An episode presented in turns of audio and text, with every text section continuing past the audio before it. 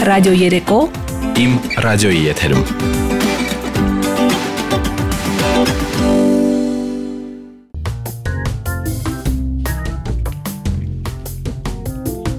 Բարի երեկո, դուք միացել եք Հանրային ռադիոյի երիտասարդական ալիքին։ Իմ ռադիոն յուրաքանչյուր 3 շաբթի շարունակում է ձեզ հրավիրել ռադիո երեկոների։ Բարի երեկո, սիրելի ռադիո լսողներ, իմ ռադիոյի ուղիղ եթերում ռադիո երեկոն է եւ ձեզ սիրով ողջունում են Սյուզին եւ Սևակը։ Մեզ լսելու տարբերակները մի քանիսն են, կարող եք մեզ լսել on-line իմ radio.am կայքում կամ ավանդական եղանակով 103 եւ 8 FM հաճախականությամբ։ Եվ այսօր մենք մի շատ հետաքրքիր թեմա ենք քննարկելու երիտասարդների հոգեբանական խնդիրների, դրանց առաջացման պատճառների եւ լուծման ուղիների մասին եւ մեր ստուդիայում է մասնագետ հոգեսոցիալական կարգավորման կենտրոնի հոգեբանական ծառայության համակարգող հոգեբան Լիլիթ Բաղդասարյանը։ Բարև ձեզ, ուրախ եմ ողջունել բոլորին։ Թեման ինչքան արդիական է, այդքան ցավոտ է, բայց մինչև բուն թեմային անդրադառնալը, Տիկին Բաղդասարյան, նախ ինչպես են անցնում ձեր երեկոները ընդհանրապես։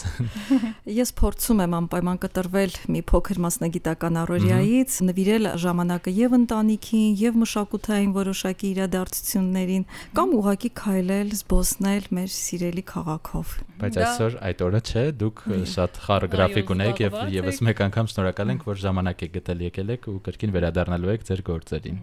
Մարդիկ հաճախ դիմում են բժշկի, երբ որ ինչ որ ֆիզիկական խնդիր են ունենում, բայց հոգեբանական խնդիրների դեպքում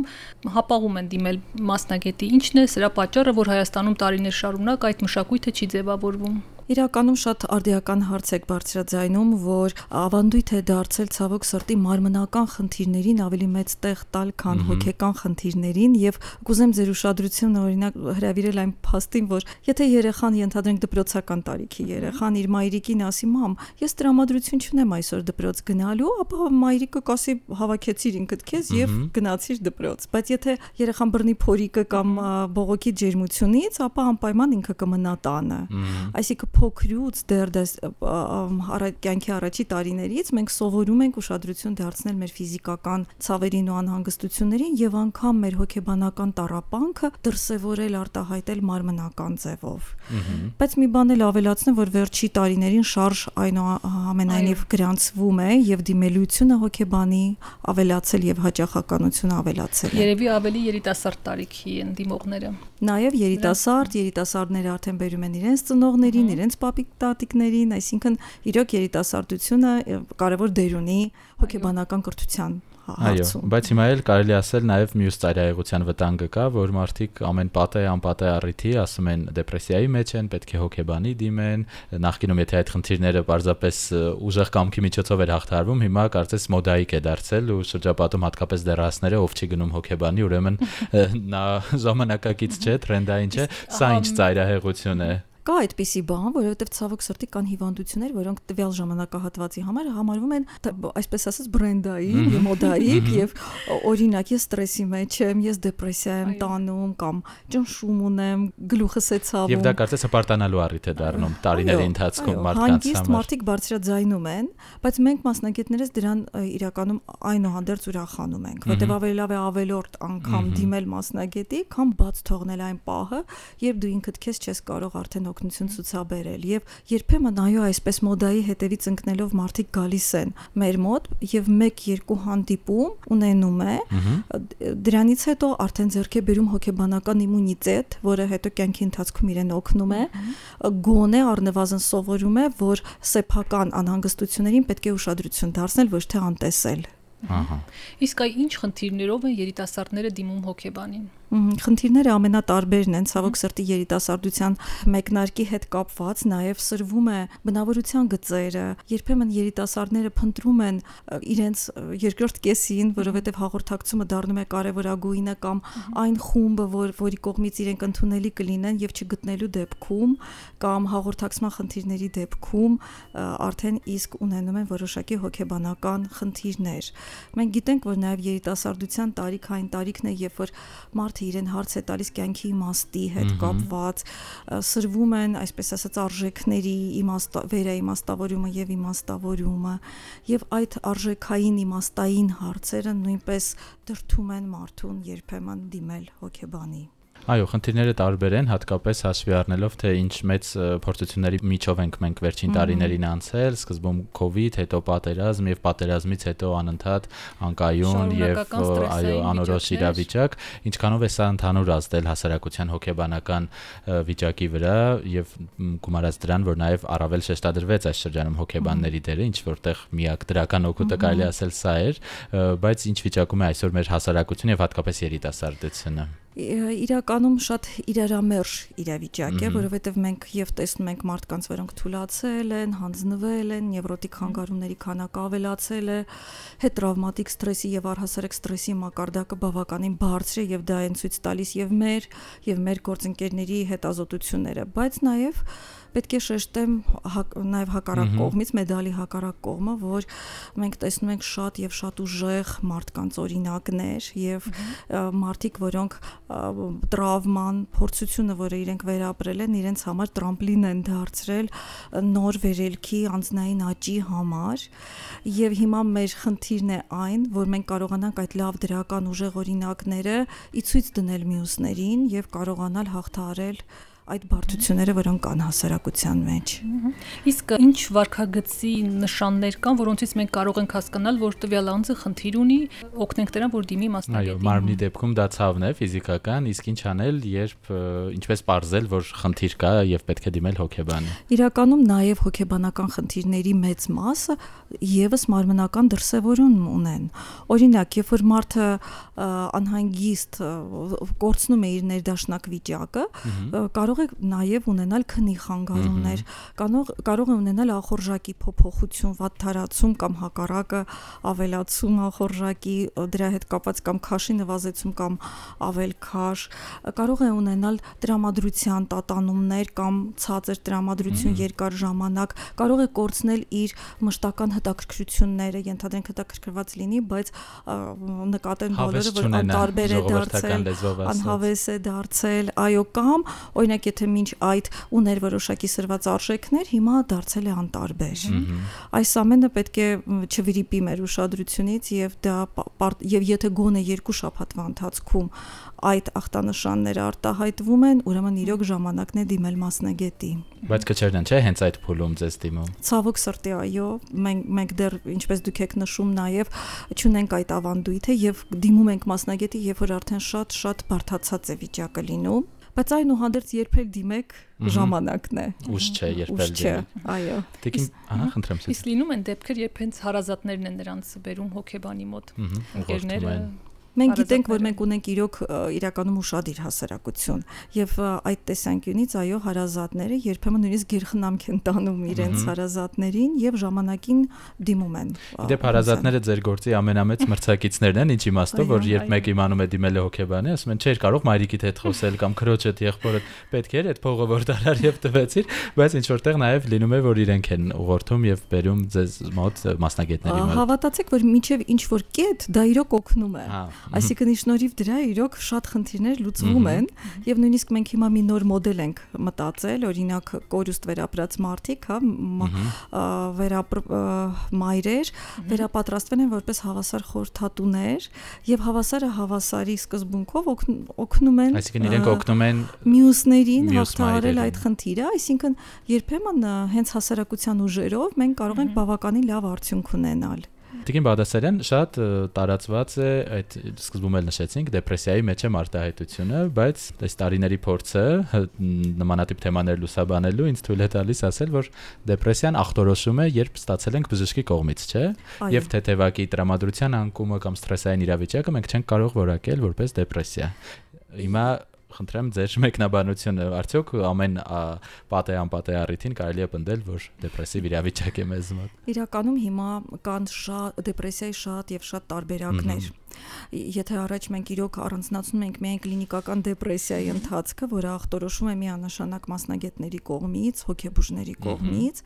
ապա հիմա շատ է տարածվել այսպես կոչված դիմակավորված դեպրեսիան։ Ինչ է այն իրենց ներկայացնում։ Կարծես թե մարդը չի գանվել տեղաշորին, կարծես թե ինքը շարունակում է գնալ աշխատանքի,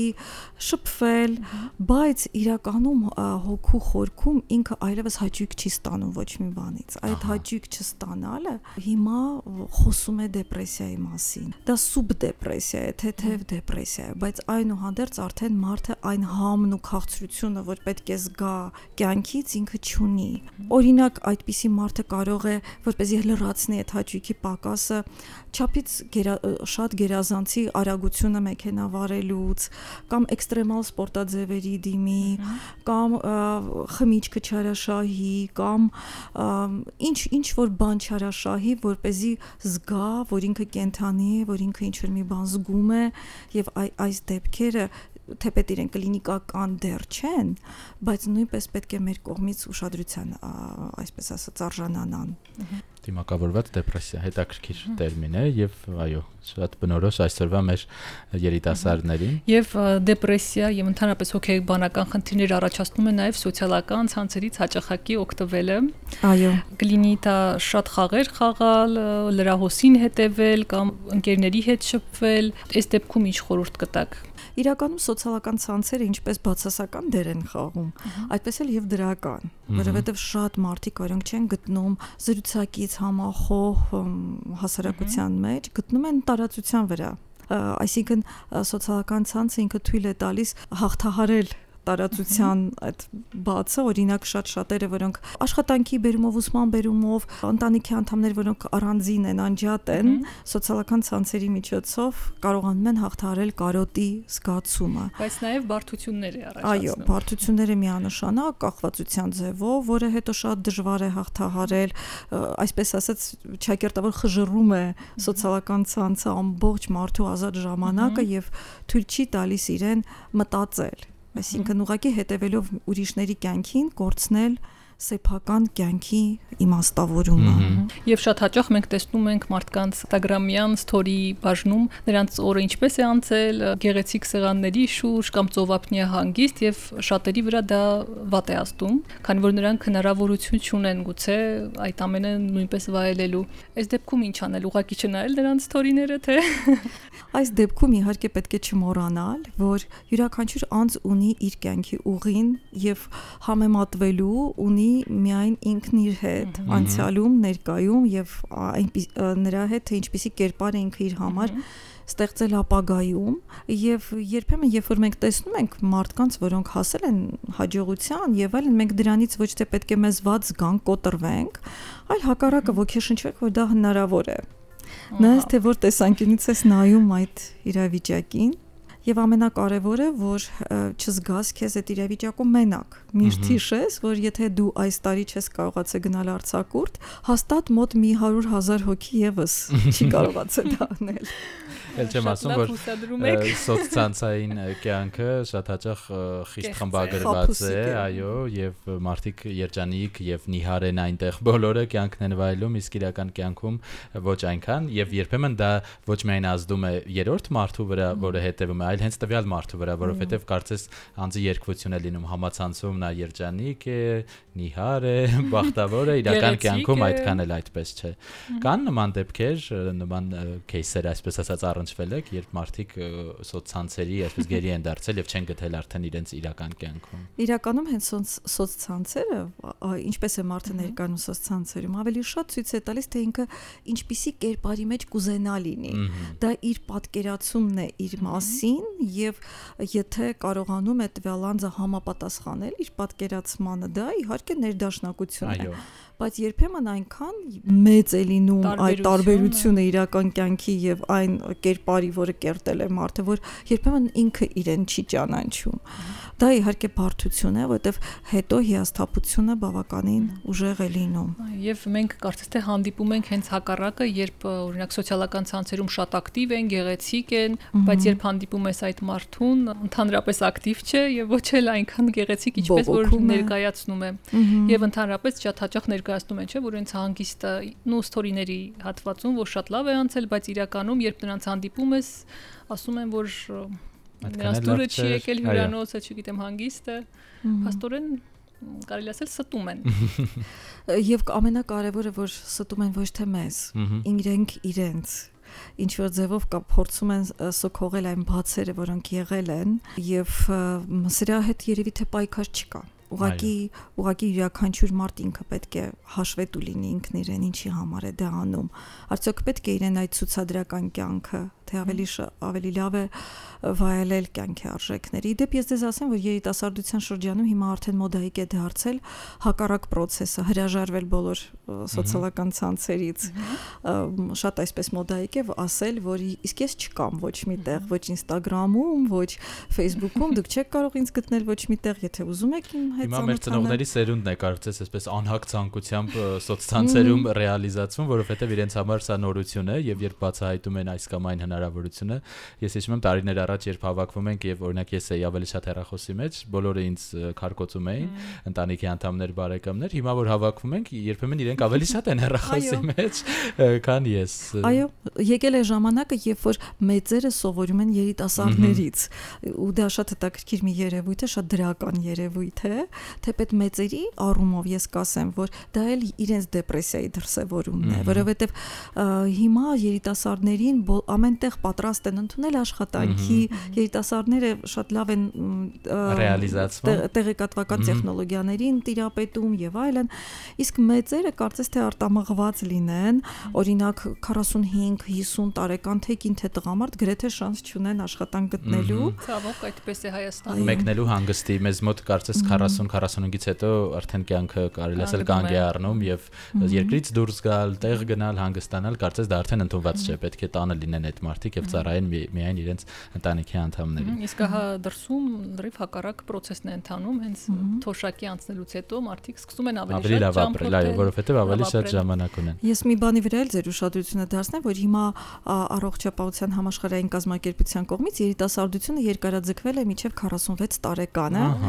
Այսինքն իրականում ոչ թե մենք գործ ունենք տատիների, պապիների հետ, այլ 45-ում, երբ որ երեխաները դե Հայաստանում շուտ են ամուսնանում եւ արդեն մեծ երեխաներ ունեն 45-ում, 46-ում դեռ երիտասարդ լինելով տատի են դառնում այդ տարիքում։ Այո, եւ ժամանակն է իրոք ճամփորդել։ Մենք շարունակենք հանրայինի երիտասարդական ալիքում աշխատել մինչև 46 տարեկանը, հենց նոր որոշեցինք մեզ այդ հարցում օգնեց Տիկին Բաղդասարյանը։ Այո, Տիկին Բաղդասարյանը մենք գիտենք, որ ցանկացած խնդիր, եթե դեռ փոքր տարիքից մարդու հետ աշխատում ես, ավելի հեշտ է լինում դրանից խուսափել կամ հետագայում հաղթահարել, երբ մենք էինք դպրոցական, դպրոցական հոգեբանի պրակտիկան գրեթե չկար կամ այդ մարդիկ ուղակի հաստիկներ էին զբաղեցնում։ Հիմա ինչպեսի պատկեր է, արդյոք դպրոցական հոգեբանները աշխատում են ակտիվ, թե էլի դա շարունակում է մնալ այսպես բարեփոխում, որը թղթի վրա է ուղակի հաստիկով կա այդ մարդը, բայց չի աշխատում երեխաների հետ։ Բավականին վիճակը բարելավվել է, որովհետև եւ բուհերն են պատրաստում եւ անցնում են բոլոր հոգեբանական ֆակուլտետներում անպայման մանկավարժական հոգեբանություն, մանկան հոգեբանություն, տարիքային հոգեբանություն եւ նաեւ շատ ոչ բոլոր, բայց մեծ մասում դպրոցների արդեն ներգրաված են հոգեբաններ եւ երեխաները մեծ հաճույքով դիմում են հոգեբանների այստեղ ամենակարևորը այն է որ հոգեբանները կարողանան իրենց էթիկական նորմերը պահել որտեղ երբեմն դպրոցի տնօրենները կամ դասղեկները ուզում են տեղեկացված լինել իհարկե բարի ցանկություններից ելնելով տեղեկացված լինեն երեխաների խնդիրներից եւ կարող են հոգեբանին դիմել այդ հարցերով, բայց միայն ու միայն գաղտնիության սկզբունքը ապահովելով, պահպանելով մենք կարող ենք իրոք վստահ լինել, որ երեխաները եւ դեռահասները կվստահեն մասնագետին իրենց բոլոր գաղտնիքները, որոնք իրենց անհանգստացնում են։ Դա մասնագիտական լուրջ էթիկետ է, չէ՞, որ երբեք պետք է պացիենտի կյանքը չանրայնացնել եւ չպատմել որևէ մեկը։ Անկամ երեխաները իրավունք ունեն գաղտնիքի Իսկ փորձը ինչ է ցույց տալիս այդ պատանիները ցանկանում են կիսվել իրենց խնդիրների մասին հոգեբանի հետ։ Շատ փորձը ցույց է տալիս, որ եթե գոնե մեկ անգամ, նույնիսկ ծնողների ուղղորդմամբ պատանիները գալիս են հոգեբանի մոտ, մեծ հաճույքով կիսվում են, որովհետև դա շատ կարևոր է, որ դու կարողանաս քո խնդրին նայես կողքից։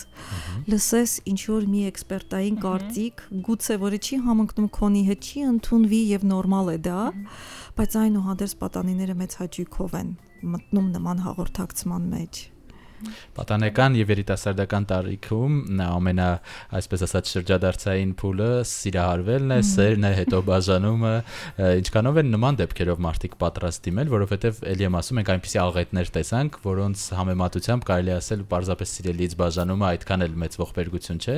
բայց օրինակ, չգիտեմ, միջին վիճակագրական եվրոպացու համար, որը չգիտի ինչ է պատերազմը, դա լրջագույն ողբերգություն է անձնական կյանքում ունենալ բաժանում։ Մեր երիտասարդները ինչպես են տանում այս բաժանումները։ Կամ արդյոք դիմում են նման խնդիրներով։ Ես դες ասեմ, որ դեռ կարդացել եմ մի 60-ական թվականների մի հետազոտության մասին, որ հոկեբանը, որին ուղարկել էին այդպես շատ ծանր դեպքի վայր, որտեղ որտեղ է ունեցել եւ երկրաշարժ եւ ինչ որ պատերազմական իրավիճակ էր, եւ ինքը պետք է այդտեղի զոհերի հետ աշխատեր եւ վախեցած ինքը գնում էր, մեկնում էր այդ դեպքի վայր, բայց հետո հասկացավ, որ միևնույն է մարդկանց նույնիսկ այդպիսի ճգնաժամային իրավիճակներում մտահոգում են ամենասովորական հարցերը, օրինակ սիրում են ինձ, թե չեն սիրում, ինչպես եղավ, դավաճանեց, չդավաճանեց, հավատարիմ է թե չէ։ Այսինքն մարդը մնում է մարդ եւ այն ինչ որ վերաբերում է զգացմունքներին, միշտ էլ մարդուն անտարբեր չի թողնում եւ այո, մեզ եւս դիմում են այդպիսի հարցերով, որովհետեւ մարդու համար ամենակարևորն է նաեւ իրեն աջակից մեկին գտնելը եւ ես ուրախ եմ, որ մեր երիտասարդությունը գիտի սիրել։ Եվ սիրո թեման երբեք չի արժեքազրկվում, նույնիսկ չի արժե կազրկվե ոչ պատերազմական իրավիճակում, ոչ կ ូវ իդային իրավիճակում, ոչ էլ այս հետ պատերազմյան եւ հետ Դեռ ավելի սրվել է, որովհետեւ կ ូវ իդի ժամանակ բաժանված են, ել չեմ ասում պատերազմի ժամանակ ցավոք շատերը կորցրին իրենց երկրորդ կեսին։ Բայց տեսանք, որ եղան դեպքեր, երբ հենց հիվանդանոցում գտան իրենց երկրորդ կեսին ամուսնության առաջարկներ եղան Եվ սրանք կարծես ողջևորող պատմություններ են, որ անգամ ամենածանր աղետների դեպքում սերը բուժում է։ Այո, միանշանակ երբեք ոգին չպիտի կոտրվի անկախ նրանից թե մարմինդ ինչ վիճակում է գտնվում։ Վերջում էլի խորհրդով ավարտենք այն մարդիկ, որոնք էլի խուսափում են դիմել հոկեբանի կամ օրինակ ընտանիքի անդամ, ինչպես ասացի, կարեկցող է, բայց չի կարողանում համոզել այդ մարդուն տանել հոկեբանական կենտրոն, ինչ անել, այսպես ասած, ինչ հնարքներ կասեք։ Օրինակ կարդալ լավ գրքեր, այդ թվում նաև ինչու՞ չէ հոկեբանական գրքեր, որոնք հիմա բավականին շատ են, բավականին շատ գրքեր թարգմանվում են նաև հայերեն, հասանել են ռուսերեն ռուսերեն, անգլերեն համացանցում, այսինքն մենք on-line տարբերակով կարդալ եւ նաեւ հետեւել դեր Սոկրատեսյան այն կարգախոսին, որ պետք է ճանաչենք ինքներս մեզ, հա, ճանաչիր ինքդ քեզ, որովհետեւ երբ որ մենք սկսում ենք ինքնաճանաչման ուղին, շուտ թե ուշ մենք գալու ենք այն հարցին, որ միգուցե դիմեմ հոգեբանի, միգուցե դա օգնի ինձ ավելի խորքային ձևով ճանաչեմ ինքս ինձ։ Սա է ամենակարևորը, որ կարող ենք անել եւ նաեւ ինչ կարող են անել հարազատները, մարդուն բացատրել, որ եթե ինքը ունի որևէ հոգեբանական խնդիր, անհարմար չի դիմել մասնագետի, որովհետև նա հոգեբանը նույն տիպի նույն տեսակի մասնագետը, ինչպես օրինակ ատամնաբուժը, վիրաբուժը, թերապևտը, սրտաբանը, ոչ մի խնդիր չկա նրա մեջ, եթե մենք դիմենք նաև հոգեբանական օգնությանը։ Իսկ նորմալ է, երբ մարդ հասուն տարիքի է հասել եւ դեռ հոգեբանի չի դիմել։ Դե պարտադիր չէ, ատամնաբույս չէ ամեն դեպքում։ Կան մարդիկ, որոնց ատամները չեն ցավում, չէ 60 տարեկան։ Շատերը զարմանում են, միթե դու չես դիմել հոգեբանի կամ չես ունեցել կարիքը։ Չես ունեցել։ Հոգեբաններից մեկը Աբրահամ Մասլոուն, հումանիստական հոգեբանության ուղղության ներկայացուցիչը։ Հայտնի բուրգի հեղինակն է։ Այո, այո, բուրգի հեղինակը մոտիվացիոն, ասում էր այսպիսի բան. առողջ մարդիկ մարդիկ այնուհանդերձ պատահում են բայց շատ հազվադեպ։ Այսինքն հնարավոր է չդիմել, բայց դա որպես բացառություն է։ Ամեն դեպքում պետք է դիմել, իհարկե, այո, եթե կարիքը կա, ինչպես ասում ենք, մյուս տարիեղությունն էլ չլինի, անիմաստ ուռճացնել եւ գնալ մոդայի հետևից, բայց ամեն դեպքում դա էլ ասացիք, որ իր վտանգը չունի, երբ դիմում են, որովհետեւ եթե օրինակ սովորական բուժզննում գնանք անցնենք եւ որևէ խնդիր չլինի, շատ կուրախանանք, չէ՞, նույնը նաեւ եթե դիմենք հոկեբանի եւ բարձվի, որ խնդիր չկա, մի քիչ կներվենք, որ ծախսեցինք, բայց էլի կուրախանանք, որ առողջ ենք։ Այո։ Շատ շնորհակալություն հետաքրքիր զրույցի համար։ Հուսով ենք մեր այսօրվա խորհուրդները հետաքրքրեցին եւ օգտակար եղան ռադիո լսողներին եւ հիշեցնենք մեր սիրելի ռադիո լսողներին, որ իմ ռադիոյի տաղավարում էր հոկեբան Լիլիթ Բաղդասարյանը։ Եվս մեկ անգամ շնորհակալ ենք Տիկին Բաղդասարյան։ Միշտ ուրախ ենք ձեզ մեր տաղավարում տեսնել։